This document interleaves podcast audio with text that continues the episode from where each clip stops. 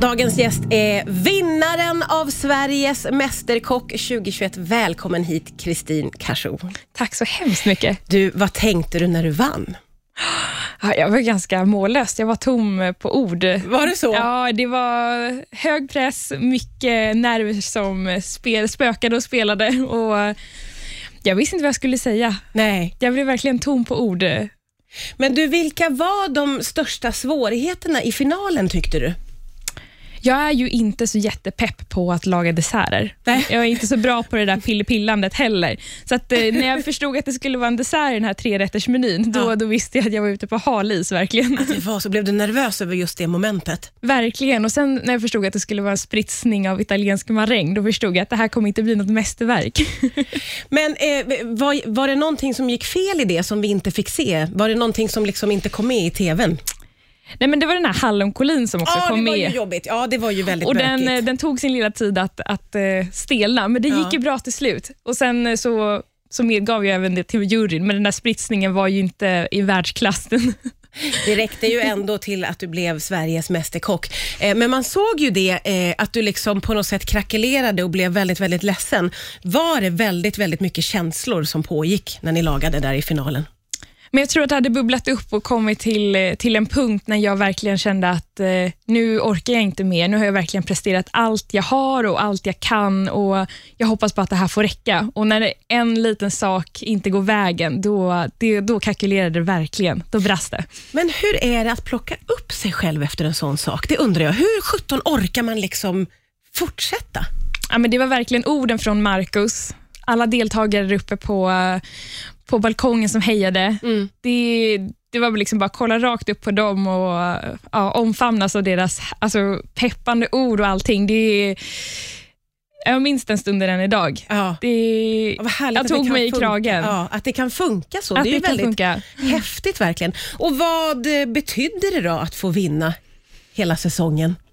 Det var ju bara något jag hade kunnat drömma om. Det var en illusion verkligen. Eh, Och att få vinna, det är den mest ärofyllda titeln jag någonsin kan, kan få ställa mig bakom. Att Ja. jag är Sveriges Mästerkock, Ja. det hade Har- jag aldrig kunnat tro. Har du fattat det? Nej, jag tror faktiskt inte det.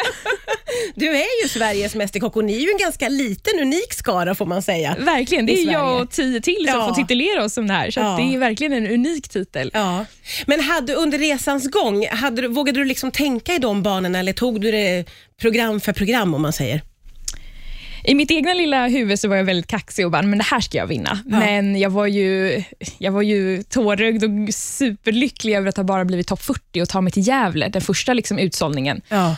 Och när jag väl blev topp 5, då, där någonstans så insåg jag även att eh, ja, men då flyttades målet fram och slutmålet blev väl att bli finalist ja. och förhoppningsvis vinna också. Där såg du att du har chansen. Ja, men precis. Då såg jag ljuset i Då tunneln. såg du ljuset i tunneln. Var kommer ditt stora matintresse ifrån då, från början? Mitt stora matintresse började med att jag tyckte om att äta mat. Ja, det brukar ju börja där. Jag kanske inte var den vassaste kniven i lådan i början, men mitt matintresse tog väl vid i tonåren när jag kunde stå i köket själv Ja. och eh, hjälpte mamma en hel del. Och Sen växte det fram när jag fick laga min egna mat i köket och då började jag experimentera och skapa och laga. Ja, du har ju helt klart en dragning till det asiatiska köket. Hur kommer det sig?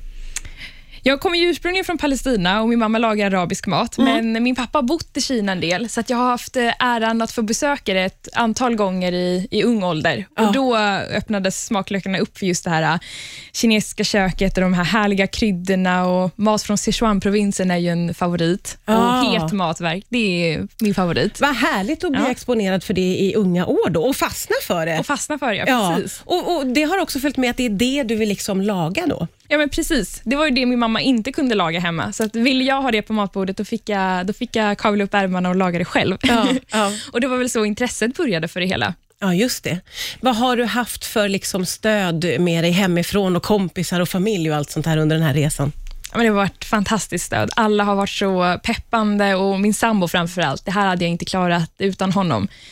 Den kompromisslösa kärleken och supporten han ger mig, det, det behövde jag verkligen. För det har varit en väldigt eh, påfrestande resa. Ja, Eh, ja, men precis. Jag tänker att det är jätteutmanande och härligt, men det måste vara prövande också, för det är under lång tid och leva med all den här pressen och under pandemi och allting. Hur, vad var det som var svårt tyckte du med den här tiden? Men jag har väl alltid under hela min skolgång och så haft en ganska hög eh, prestationsångest framför allt. Att jag har haft höga krav på det jag presterar och levererar. Och Självklart så följde det med mig under den här resan också. Och Att behöva leverera konstant framför kameran och laga mat som juryn ska få bedöma, som jag ser upp till så himla mycket. Ja. Det satte verkligen hög press på mig. Ja. Och eh, Det var ju jobbigt de gångerna man inte var nöjd eller så. Och det kunde man ju ligga vaken på nätterna och grubbla över. Vad kunde jag gjort bättre? och vad, Var det så? ja, men lite så här, vad, Förtjänar jag verkligen det här? Har jag gjort allt jag kan? Kan jag göra bättre? Och Mm. sådana frågor. Så att, eh, man har väl kantats en hel del av eh, det här psykiska. Ja. Att eh, pressen verkligen är påtaglig. På vilket sätt kunde ni deltagare stötta varandra, eller gjorde ni det? Vad var stämningen i gruppen, så att säga? Det var ju en otroligt härlig grupp och vi hade så god sammanhållning. Så det var faktiskt väldigt skönt att kunna ja, men, luta sig tillbaka och ändå diskutera och få den här peppen och det stödet. För de, de ser ju verkligen eh, den goda och den perfekta och underbara matlagaren du egentligen är. Men den här pressen ställer ju till det för, för oss alla verkligen. Ja, ja, och det är bara ni som är där som kan förstå vad det är ni går igenom egentligen. Ja, men precis. Det är ganska svårt att sätta sig in i det här och jag tror många, ja, det är nog svårt för en utomstående att förstå. Ja, för vi ser ju bara en liten, liten del där på TVn, om man säger så. Exakt. Eh, nu blev det ju officiellt att du vann igår, så jag förstår att den här frågan är vansklig, men jag måste ställa den ändå. Vad har du för framtidsplaner nu då? Ja, men först och främst så lanserar jag ju min alldeles egna kokbok. Du har ju tagit med den här, den är ju så läcker och det måste ju kännas så häftigt. Det är otroligt häftigt att få kunna titulera sig som författare. Det, Ja. är, det är enormt. Ja, det, bara det är ju superhäftigt. Mina asiatiska favoritrecept heter den. Ja, så där har du ju naturligtvis det första steget. Men om du skulle få drömma fritt då, vad ser du framför dig att du vill göra?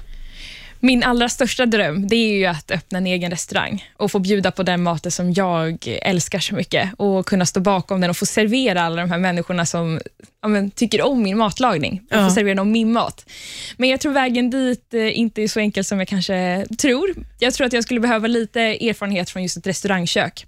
Ja, Så okej. planen är väl kanske att jag ska börja jobba lite eh, som en kock i en restaurang Ah. för att just få den erfarenheten. Ja. För Jag tror att man, man gör det bäst om man också har erfarenhet av det. Ja, just det. Och Jag vill nog inte öppna något som, som inte blir bra, utan jag vill verkligen göra det helhjärtat och hundraprocentigt. Ja. ja, men vad roligt. För det, vi pratade om det lite grann eh, i någon låt här, du och jag, att det finns ju, eh, det öppnas upp karriärer för ganska många som har varit med i Sveriges Mästerkock och det finns så mycket att välja på idag, där man kan starta YouTube-kanal eller eh, bli väldigt stor på Instagram. Det, det finns inget sånt som lockar dig? Jo, men Instagram tycker jag är en väldigt trevlig plattform, så att, eh, följ mig där. Ja, men precis. Eh, Det är där- också en väg kanske. Ja, men precis. Och där får man verkligen vara den här matinspiratören och kreatören. Och den, den sidan inom mig, den tycker jag väldigt mycket om. Och just för att skapa och, och eh, ja, men, inspirera andra. Mm. Det tycker jag är väldigt kul. Just YouTube kanske jag inte är eh, superpepp på. Men det är ju en fantastisk plattform och jag vet ju att så många har lyckats med det och eh, från Sveriges Mästerkock också som Mm. finns där. Men just restaurangdrömmarna är väl de allra största. Det tycker jag är väldigt roligt att höra, att det finns en eh, mästerkock som drömmer om att starta restaurang. Det är inte alla faktiskt, det är jättekul. Men du hade ju en annan karriär på gång innan det här. Hur blir det med den nu då? Min juristkarriär. Ja, det är ju ingen som där fy skam-karriär heller om man säger så. Nej, men eh, den, den lägger jag på hyllan för tillfället. Men det är ju absolut en, en utbildning och en yrkesroll som jag har, har att luta mig tillbaka mot. Mm. Och Känner jag om fem år att det här kanske inte är riktigt min grej, eller det kanske inte går vägen, då kan jag bli jurist och jobba med det i 40-50 år till och då har jag hela livet framför mig. Ja, det är bra, det är bra. Du har verkligen en B-plan Ja. ifall, ifall. Det ska man alltid ha. Jag tror att det kommer att gå jätte, jättebra för dig. Så himla kul att få träffa dig och stort grattis igen. Tack snälla för att du kom till Rix Tack idag. snälla. Tack snälla.